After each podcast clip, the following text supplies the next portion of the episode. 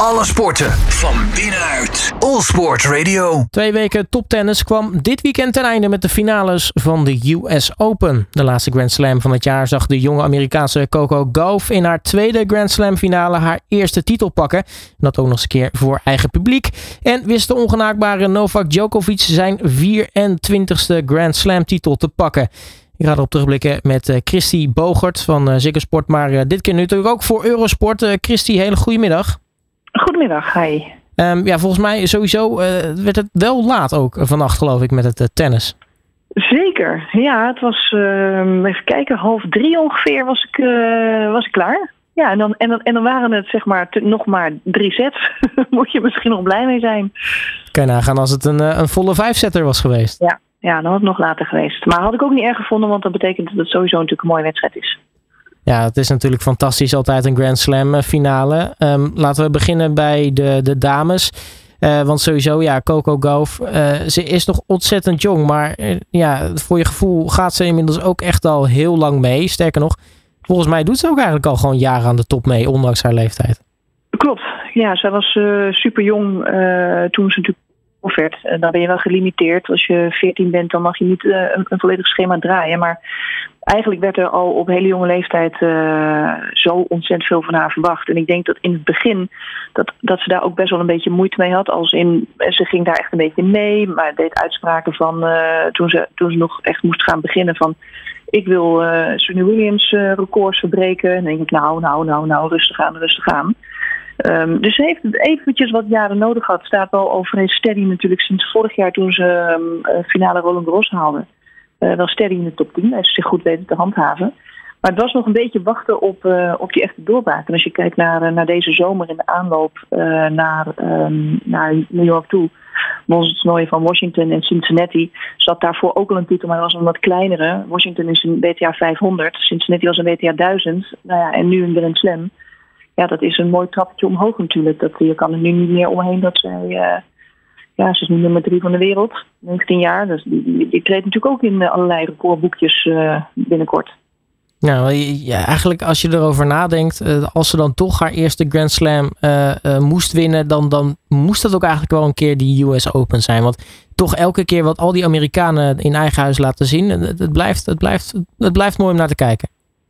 Zeker. Ik denk als zij uh, natuurlijk mag kiezen, hoewel Wimbledon heeft natuurlijk wel voor, voor veel tennissers de, de grootste uitstraling. Wimbledon is, is natuurlijk een toernooi dat als je niet een team tennisliefhebber bent, dan weet je ook wat Wimbledon is. En de US Open, ja, dat, dat, dat, dat kan van alles zijn. Dat kan ook golf zijn, bij wijze van spreken.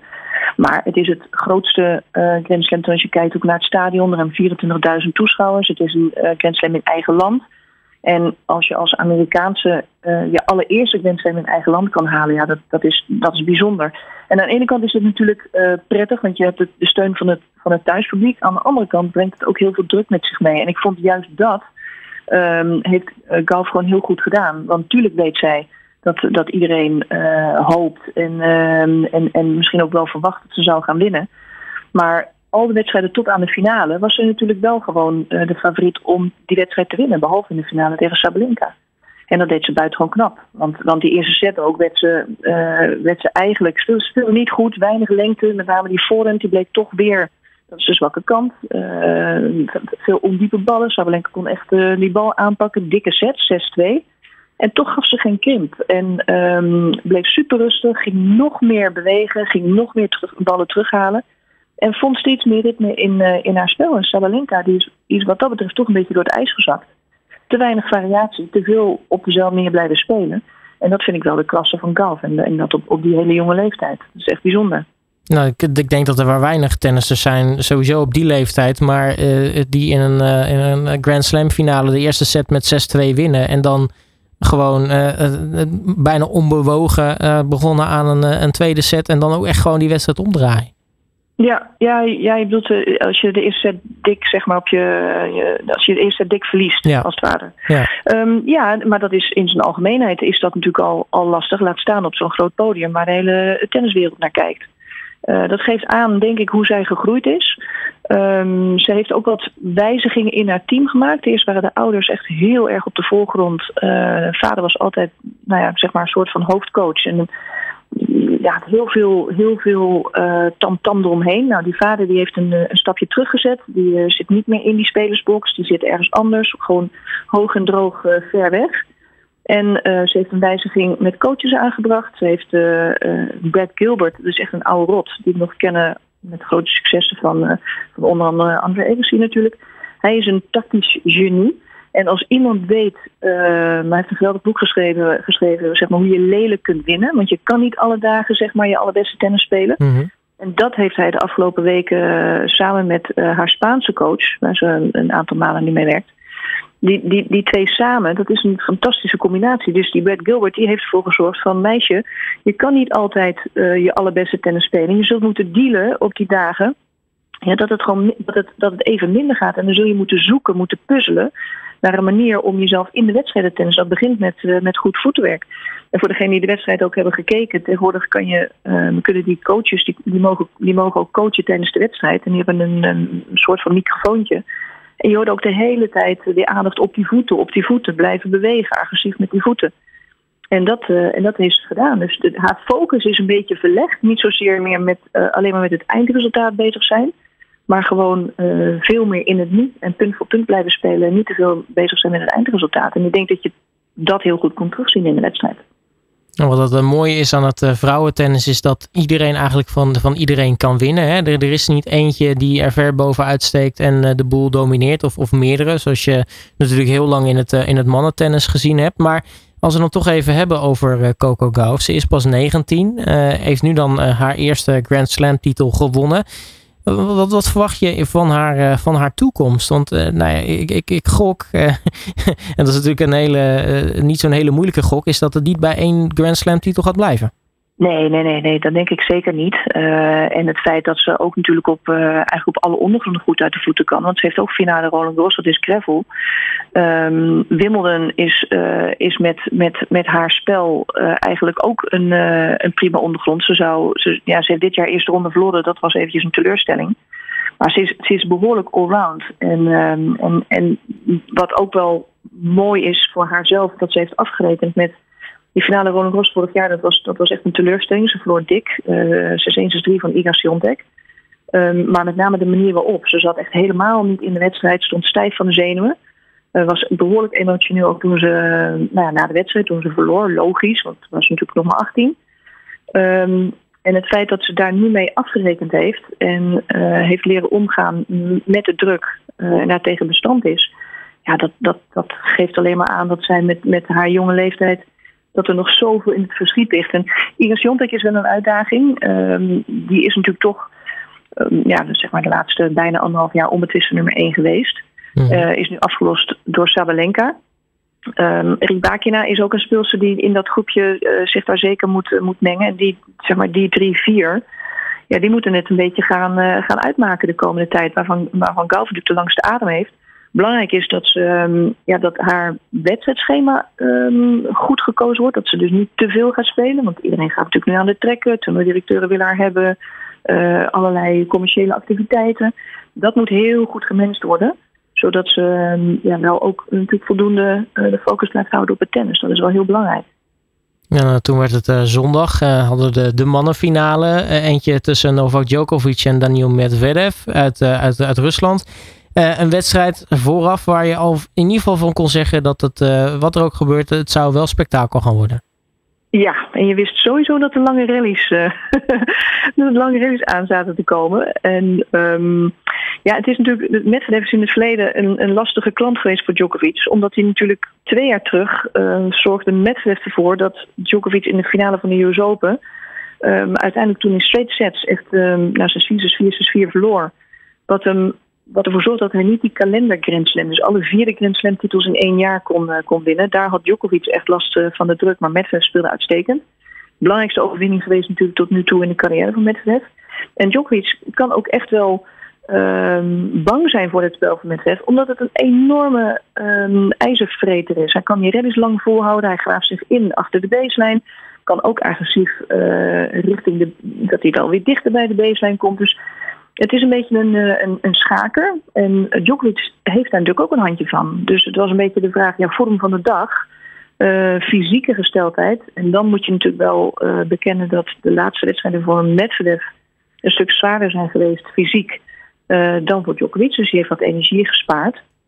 Maar het was wel een wedstrijd waarvan je gewoon weet van die zijn aan elkaar gewaagd. Wat jammer was, er was meteen de eerste service game van Medvedev in de opening set ging mis. Uh, op laf ingeleverd. Ja, dat is eigenlijk voor Djokovic het ideale scenario. Want als je bijblijft bij Djokovic, je krijgt 3, 3, 4, 4, 5, 5. Mm-hmm. ja, dan, dan wordt hij nerveus. En dan uh, kan hij nog wel eens een beetje, uh, nou ja, uh, een beetje een vreemde houding hebben op de baan. Dan is hij uit balans en dan is hij aan het mopperen en aan het, en aan het zeuren. Maar die vroege break zorgde voor wat, voor wat rust.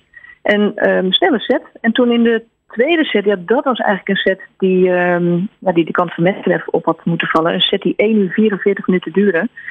Uh, waarvan een waanzinnig belangrijk breekpunt Djokovic een half voor die uit de hoed toverde. Dat je denkt, nou, als je die honderd keer slaat, gaat hij, misschien, gaat hij misschien twee keer goed. Nou, dat was toen. En dat is gewoon, ja, dat is knap van Djokovic. En, uh, en een tiebreak spelen tegen, tegen hem is een drama. Ik denk, die wint gewoon bijna allemaal. En hij was echt klaar voor de sloop, want hij was fysiek echt op. Maar het binnenhalen van die tweede set, dat heeft me zoveel veerkracht gegeven voor, uh, voor die derde. Ja, en dan uh, was het uiteindelijk nog drie uur en twee minuten voor een, voor een wedstrijd qua setstanden 6-3, 7-6, 6-3. Dus dat geeft ook gewoon aan ja, hoe zwaar uh, zo'n wedstrijd is. Ja, vooral die tweede set was dus uh, nou, een, een uitputtingsslag. Uh, Medvedev kwam die uiteindelijk ja. niet, meer, uh, niet meer te boven. En dan nee. pakt Djokovic zijn 24e Grand Slam titel. dat is natuurlijk sowieso... ik bedoel, hij was al recordhouder toen hij op Roland Garros zijn, zijn 23e Grand Slam titel wist te winnen. maar ja, hij staat bij nu de mannen. bij de mannen. Record bij de mannen. Want je hebt natuurlijk maar record bij de vrouwen met 24. En daar staat hij daar, gelijk mee. Daar, daar staat hij op gelijke hoogte, ja. Maar dat, dat, dat geeft toch maar eens aan ja, hoe gelukkig wij eigenlijk als, als, als, als mensen van deze generatie mogen zijn dat we uh, nou ja, mannen als een, Djokovic aan het, aan het werk mogen zien. Ja, dat, dat, dat, dat, moet je koesteren. Want dit, dat is sowieso die generatie natuurlijk met Federer, Nadal en, uh, en Djokovic. Dat is een, ja, dat is een generatie, dat ga je waarschijnlijk nooit meer meemaken. Drie van die iconen in, een, in eenzelfde periode. Um, en Djokovic is nog niet klaar, hè? Hij, hij heeft blijkbaar vannacht, uh, heeft Ivanisevic, zijn coach, heeft aangegeven dat hij gewoon uh, door blijft spelen tot de Olympische Spelen van Los Angeles in 28. Dus dan is hij 41. Dus dat geeft denk ik aan hoe hongerig hij is uh, voor meer. Maar het, is, het is bijzonder. Hij is nu 36 en, uh, en, en hoe hij beweegt, hoe hij herstelt na zijn wedstrijden, hoe fit hij is. Dat is echt, dat is echt uniek. Ja, ja Medvedev zijn na, na afloop gekscherend nog uh, tegen Djokovic. Ik weet niet wanneer jij het eens rustiger aan gaat doen. Maar uh, helaas voor Medvedev is dat dus voorlopig nog even niet. Nee, nee. En dat geldt natuurlijk voor meerdere lichtingen. Want ik zag gisteren dat Andy Roddick, die, die reikte de trofee uit. En die heeft ook eerder in zijn carrière gezegd... die zat natuurlijk ook met, met, met, zowel met Federer als met Djokovic... maar met name Federer was toen zijn grote plaaggeest. Ja, in, in het tijdperk zonder Federer had hij natuurlijk ook veel meer Grand Slam titels uh, kunnen halen. En dat geldt voor, voor al die, die, die, die, ja, die, die er onder hangen. Die, die jongens die, die hebben gewoon pech.